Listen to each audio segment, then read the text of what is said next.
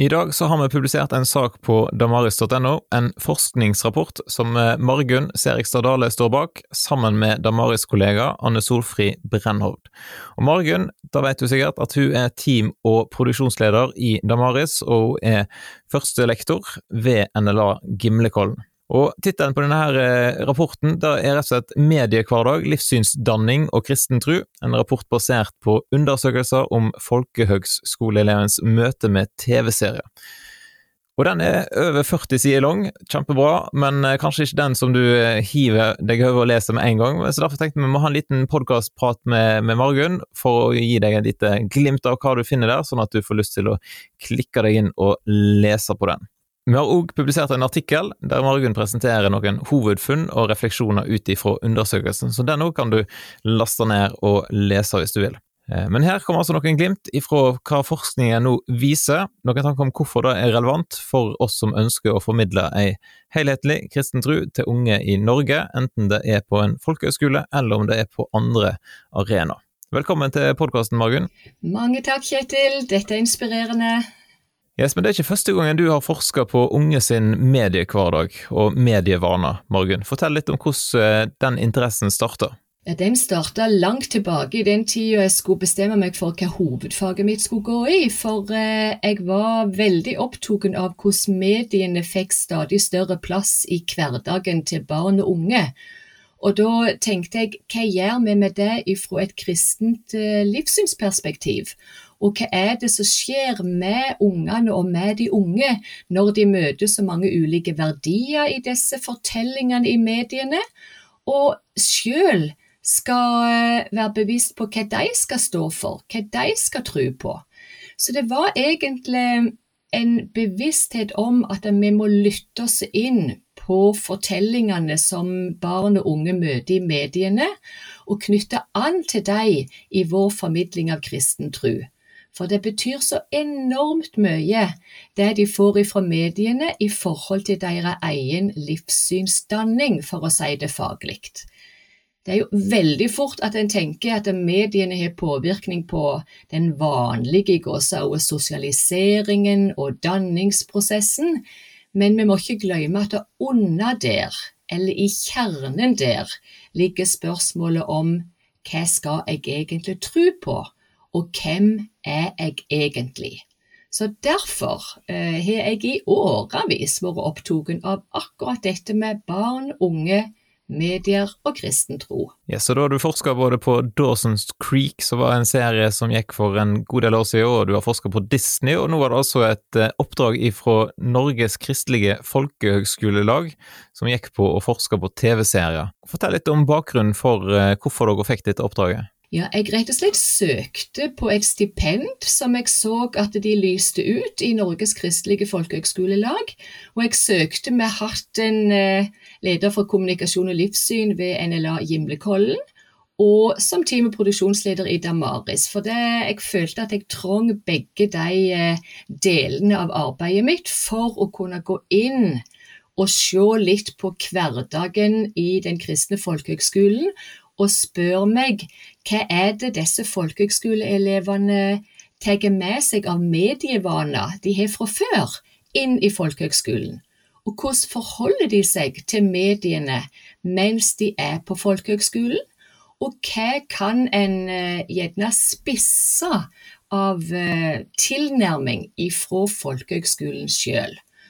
Så jeg rett og slett designa en søknad der jeg forankra det i at eh, Norges kristelige folkehøgskolelag vil arbeide for at elevene på folkehøgskolene får møte kristen livsforståelse, kristen tro og kristent liv, og at den kristne truspraksisen ved skolene skal være forent helt tydelig, selvfølgelig, med respekt for eleven sin integritet og ansvar for egne livsvalg.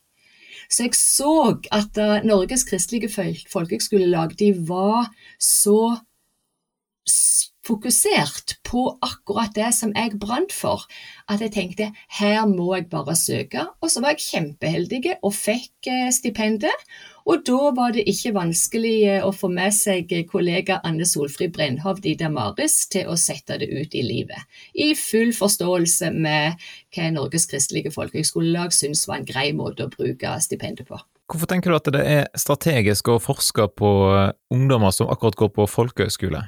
Ja, du vet, det er jo skolen for livet, er det ikke det? Ennå til jeg ikke gir på det sjøl. Hadde jeg vært ung i dag, så hadde jeg sikkert valgt det, au, i tillegg til alt annet jeg fikk med meg i ungdomstida. En skole for livet, der veldig mange kjenner at de trenger en pause ifra noe som kunne oppleves som ganske heseblesende på videregående og så vil folkehøgskolen være der både med det allmenndannende perspektivet, det å leve helt som menneske. Og det ligger jo i hele grunntanken i folkehøgskole, enten de er frilynt eller kristne. Men så er vi nå på den kristne folkehøgskolearenaen og merker hvor bevisste de er på å møte ungdommene i denne avgjørende livsfasen med et troverdig bilde av hva kristen tro er og den kristne livspraksisen. Så eh, jeg tenker jo òg at ved å komme litt tett på hva som skjer i folkehøgskolehverdagen, og med de ungdommene, så tar vi egentlig temperaturen på ungdommer flest i de kulla. Det, det kan være lettere å komme tett på i det som kalles skolen for livet. Men eh, hvordan går en fram da, Margunn, når en skal ut og gjennomføre et sånt forskningsprosjekt og kartlegge hva TV-serie er det elever på folkehøgskolene ser på? Ja, Da er det rett og slett å kombinere spørreundersøkelse anonym eh, til alle elevene på de fire skolene som vi valgte ut. Det var forresten Kristiansand, Sagavold, Solborg og Ålesund. Og på bakgrunn av spørsmål som vi da prøvde å meisle ut først eh, litt av de generelle medievanene, og så zooma vi inn eh, TV-serien, fordi det som sjanger er håndterlig og veldig populært. Så ville vi utkrystallisere hva hadde de eh, sett mye på de siste månedene før de begynte på folkehøgskolen. Og så sendte vi ut dette spørreskjemaet to måneder inn i folkehøgskoleåret. Og da kunne vi få litt av forskjell og likhet mellom før og etter folkehøgskolen. Og så fikk vi òg eh, litt nærhet på hva type serier var de mest opptatt av. Var det serier som ligger nær deres egen hverdag, eller var de mest opptatt av de som er fjernt ifra eh, vårt eget liv, osv. osv. Så, videre. så det var en grunnleggende og ganske vid kartlegging av medievaner med fokus på TV-serier. Kvantitativt anonymt. Så analyserte vi dem og da viste det seg jo hvilke TV-serier som var mest populære. Ergo så tok vi med oss eh, det inn i fokusgruppe, som det heter så fint, på hver av de fire folkehøgskolene. Der vi var i lag med en klasse eller ei større gruppe, men ikke alle, så en serie en episode unnskyld, av serien Modern Family, for den viste seg å ligge høyt, høyt oppe på absolutt alle skolene ut ifra det kvantitative.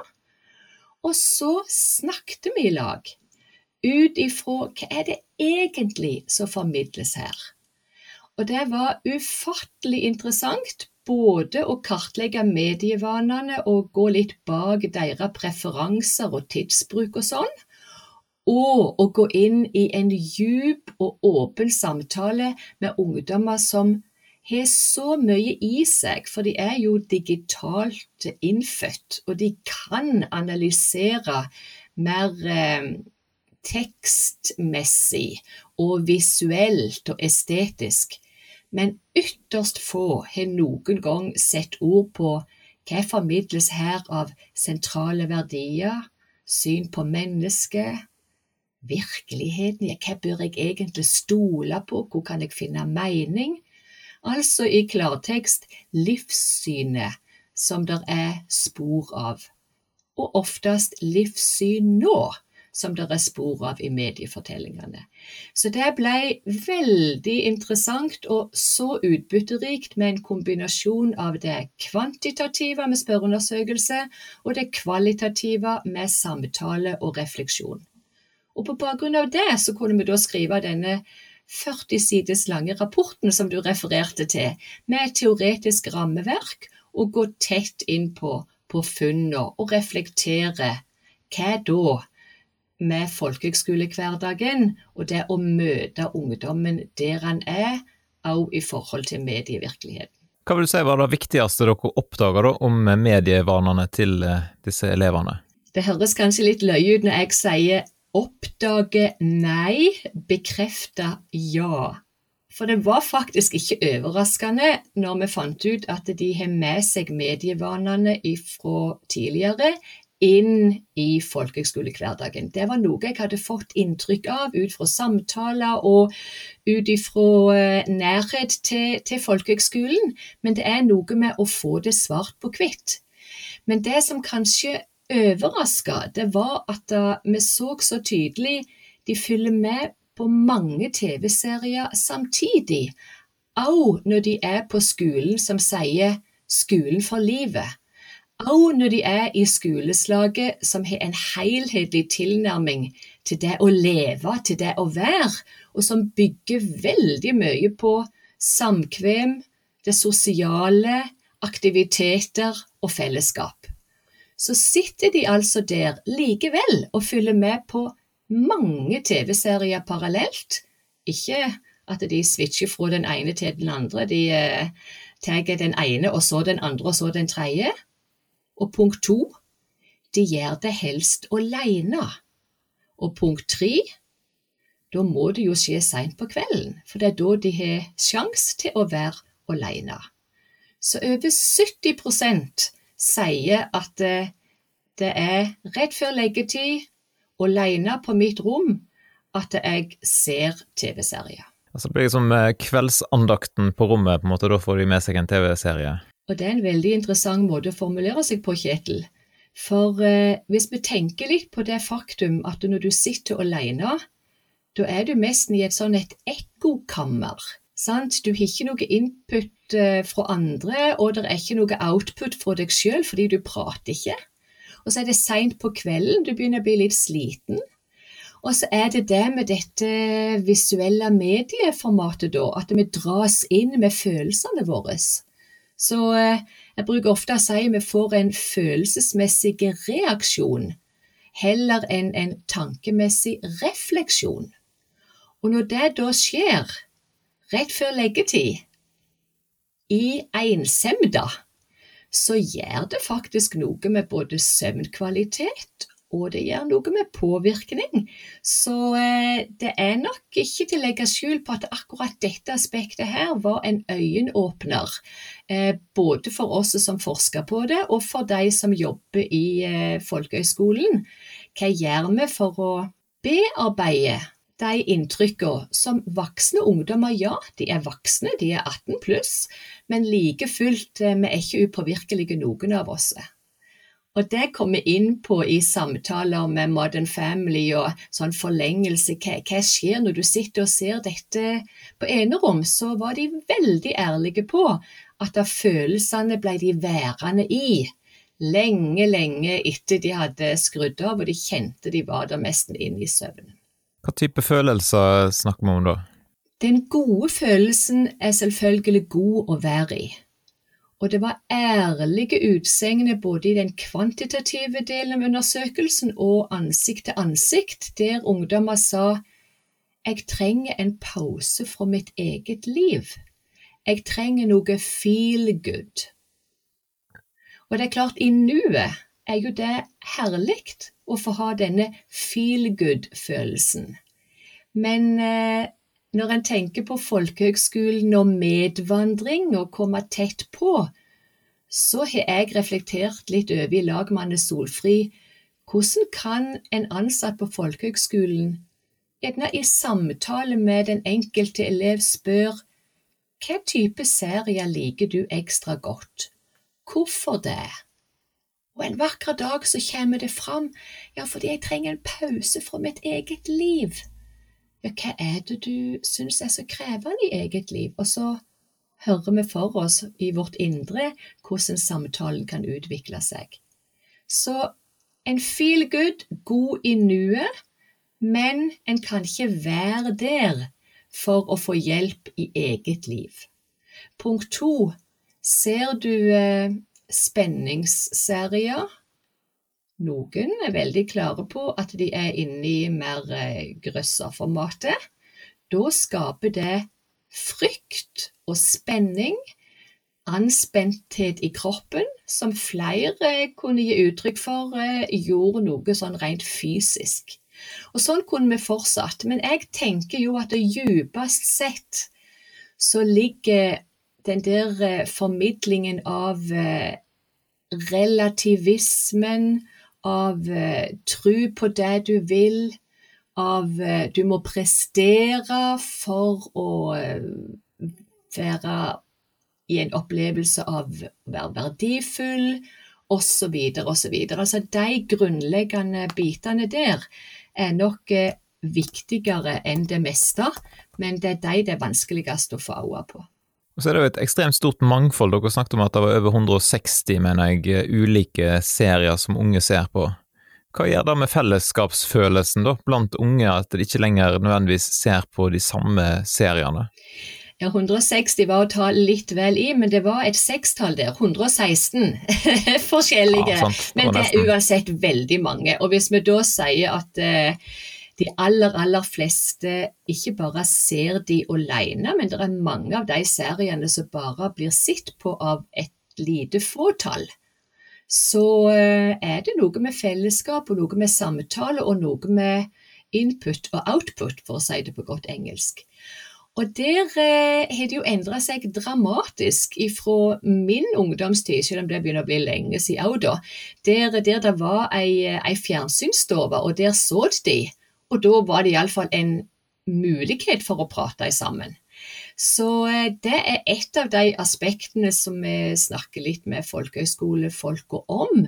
Hvordan kan en eh, skape arenaer for samtale om de mest populære seriene? Og for det andre, hvordan kan vi hjelpe de unge til en eh, gradvis større mediebevissthet i forhold til verdiformidling og spor av livssyn, som gjør at de tar det med seg i møte med serier som bare de ser på, fordi de i det større fellesskapet på folkehøgskolen har sett en episode i lag og prata om den. Og det er en erfaring vi gjorde også på alle de fire folkehøgskolene, når vi bare viste også klipp fra andre serier, for vi hadde en hel pakke. Vi så en episode om Modern Family og gikk dypt inn i den, men på veien der så illustrerte vi verktøyet vårt og hadde glimt fra andre serier, som ikke nødvendigvis var kjente for elevene i like sterk grad. For noen liker det, og noen liker det.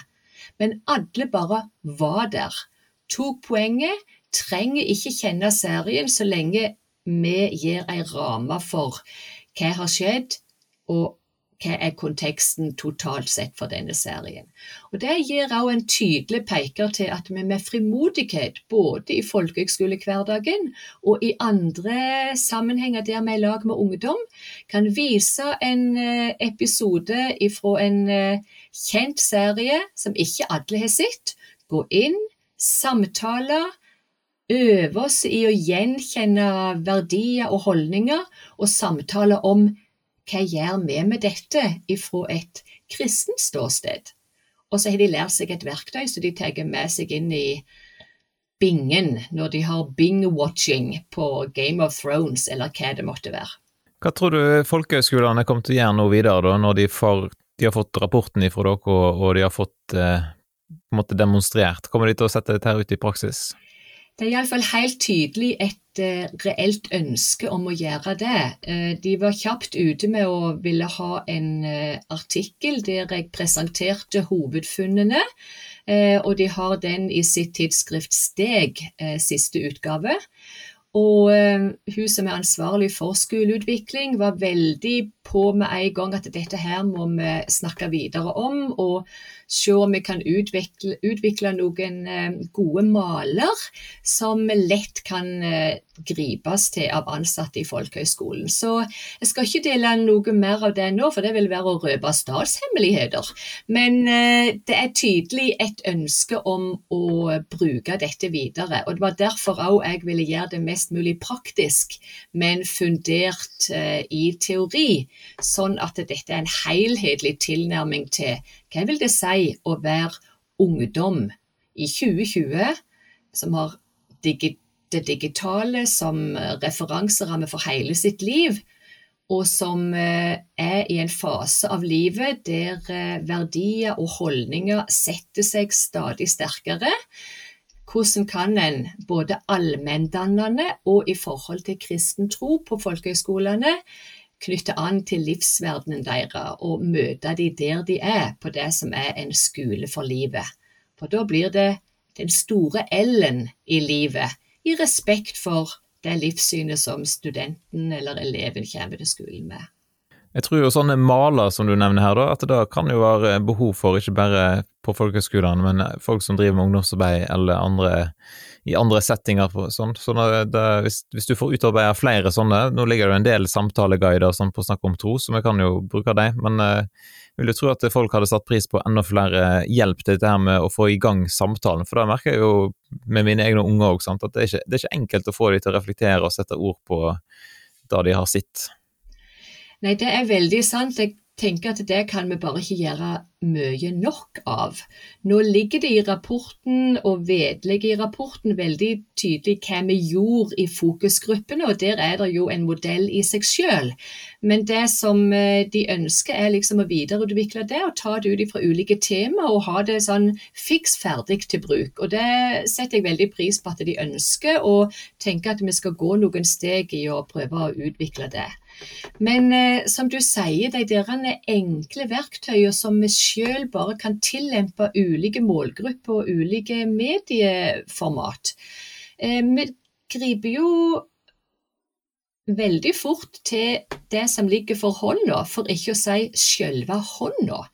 Eh, og jeg så i lag med Anne Solfri hvordan vi faktisk i møte med voksne folkehøyskoleelever kunne bruke tommel opp og tommel ned som et utgangspunkt for hva var det som fascinerte meg ekstra her, og hva var det som utfordra meg ekstra her.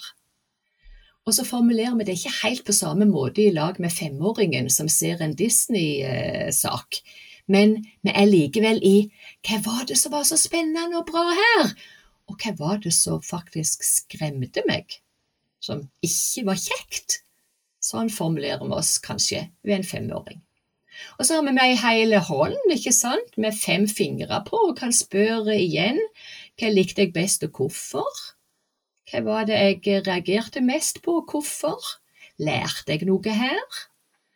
Um, er det en av disse personene jeg gjerne vil imitere i mitt liv, eller noen verdier jeg særlig vil imitere i mitt liv? Og så når du kommer til tommeltotten, så tenker jeg når vi er i en sammenheng der det er tydelig at her skal vi få være klare på vår kristne tro og vår basis, det er det som er hele anliggende, så skal vi våge å spørre hvem hun tror Jesus hadde likt her?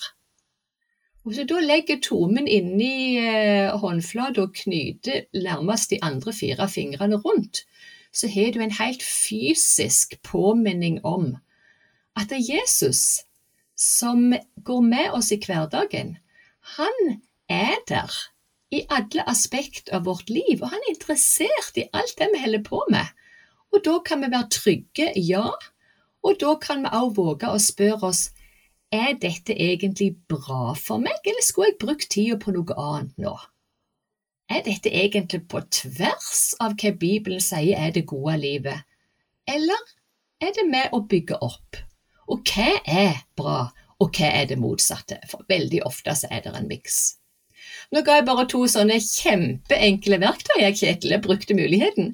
Og de brukte ja, vi faktisk òg eh, på en litt dypere måte i møte med folkehøgskolene.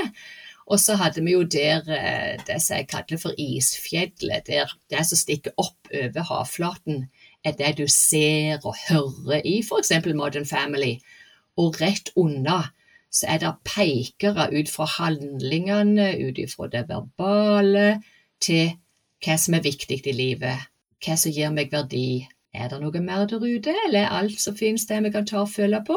Og hva skal vi egentlig ha tillit til? Og det var fantastisk å gå stegene i lag med folkehøgskoleelevene dypt ned, og alle som en sa dette har vi faktisk aldri gjort før, men dette er inspirerende, la de til. Og da blir jo jeg, om mulig, enda mer inspirert for å prøve å komme nær deres livsverden og gi dem det beste vi har og folkehøgskolen har jeg så utrolig respekt for, og jeg syns de gjør et så fantastisk arbeid. Og de har i lang tid jobba med ungdom, kultur og tro. Og dette prosjektet jeg fikk midler til og kunne ha med meg Anne Solfrid Brennhovd i, føyde seg galant inn i det de har jobba med over tid, og så spissa vi det inn imot mediefortellingene. Så eh, det er meningsfullt å forske, Kjetil. Eh, å være i livet, og eh, samtidig eh, se den brobyggingen mellom akademia og, og levd liv. Det, det, er veldig fascinerende. Ja, så Vi satser på at noen som har lytta helt til nå, at de blir så fascinert at de har lyst til å gå inn og lese litt i denne her forskningsrapporten som ligger ute på damaris.no. og Kanskje blir dere inspirert til å både se og stille noen spørsmål, og til å bruke disse verktøyene som, som Margunn nå har nevnt for oss. Eller så kan det være at eh, folk blir så inspirert at de får lyst til å ta et, eh, et lite studie på kommunikasjon og livssyn, Margunn. Kanskje du forteller litt om hvordan det ligger an for høsten der? Ja, det var veldig fint tillegg. Eh, fordi det er klart alt det som jeg nå har fått lov å dele fra prosjektet inn i folkehøgskolen, er jo som et speil av det vi gjør i kommunikasjon livssynsstudiet på Gimlekollen, og har gjort siden 2001 når vi startet opp, nemlig det å lytte til samtida, identifisere berøringspunkt, men samtidig våge å identifisere spenningspunkt i forhold til trua vår, og da hjelpe hverandre til å vurdere med utgangspunkt i kristen tru, og la det apologetiske, altså kristen trosforsvar. Det å gi gode grunner for troa vår. Og det å hjelpe hverandre til å se at kristen tro angår både hode, hjerte og hånd. Det, det, er midt i blinken. Og det er det mange som ønsker å få mer innsikt i, og rett og slett gå steg inn i dette landskapet i lag med oss. Så nå er det jo 1. juli i dag, og det er jo datoen for eh, om en kan gå inn og endre på hva en har prioritert i samordna opptak. Så jeg håper jo at ikke folk har eh, ramla av alle de som satte kommunikasjon og livssyn på første prioritet, for det var en skikkelig bra økning. Og så håper jeg egentlig at det er flere har satt oss opp på første, og det de hadde på første først, til de fått litt lenger ned. Egoisten Margon er tydelig her. Men samtidig så er det mulig å søke via lokalt opptak, så det er ikke for seint, folkens. Eh, dere må bare gå inn på nla.no og sende en søknad via lokalt eh, opptak til innføringsemne kommunikasjon og livssyn, som begynner i midten på august. Men gjør det jo før jo heller, for her er det mange som vil være med på ei spennende reise. Så bra. Det er jo det beste studioet, Det det beste studiet, tenker jeg, i, i Norge. Sånn eh, rent eh, ja, subjektivt sett, kan man si det. Du vet jo hva, det var faktisk en far som refererte en voksen sønn forrige uke og sa akkurat det samme, og det er musikk i ørene mine hver gang, og det gjør meg veldig ydmyk, for eh, jeg ser at folk er ærlige når de sier det. Og jeg tror grunnen er at de møtes som en hel person, som en kristen som vil være i denne verden, ikke av, men sendt til. Og da må populærkulturen tas på alvor, men før vi kan lytte til populærkulturen, til alle ordene, så må vi lytte til ordet, til Bibelen. Det er John Stott sin klare utfordring som vi tar med oss Lytt til ordet, lytt til ordene, altså lytt til Bibelen, lytt til fortellingene i samtid i mediene, og bygg ei bru. Finn hva kan du gi en tommel opp, og hva må du gi en tommel ned? Og da vokser du som menneske, men ikke minst, du vokser som en kristen. Supert. Da har vi snakket om et eh, tidligere prosjekt du har jobba med. Har du andre spennende prosjekt framover?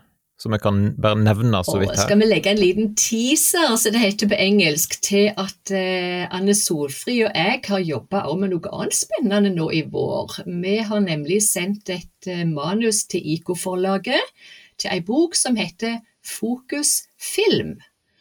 Og eh, det, etter alle solemerker, blir eh, ei bok som publiseres eh, i trosopplæringskonferansetider.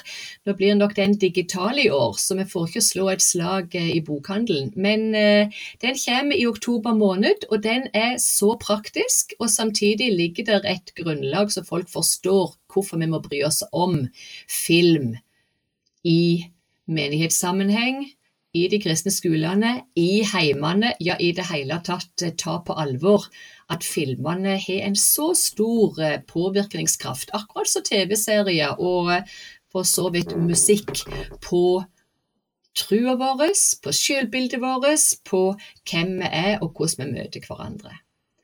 Eh, ellers så tror jeg ikke jeg skal røpe annet, for det forplikter plutselig. Så det er best å ikke si hva annet jeg holder på med. Men vi blir på ingen måte ferdige i dette landskapet. Det er altfor mye spennende å gripe fatt i, og det er inspirerende å få lov å koble det å være i akademia eh, med kommunikasjon og livssyn og andre studier jeg er inne på på NLA Høgskolen, og være i Damaris hands on med utarbeidelse av ressurser og verktøy å være i formidlingen. Det er veldig givende, så jeg håper at folk melder seg om behov de ser er for å gripe fatt i noen spesifikke mediefortellinger eller spesifikke temaområder, så er det bare å sende en mail til postetamores.no, så lover vi å ikke skubbe det anliggende vekk. Yes, jeg tenker det kan være en eh, bra avslutning på podkasten i dag. Tusen takk for at eh, du var med, og igjen, gå inn på damaris.no og les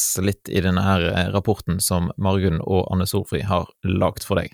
Eller lagt for folkehøgskolene, men òg for deg som, som lytter til podkasten. Takk igjen, Kjetil, og dette er så til de grader relevant for alle som bryr seg om å dele kristen tro med ungdommer i dag, enten det er i folkehøgskolen eller i heimen, nabolaget, menigheten, hvor som helst.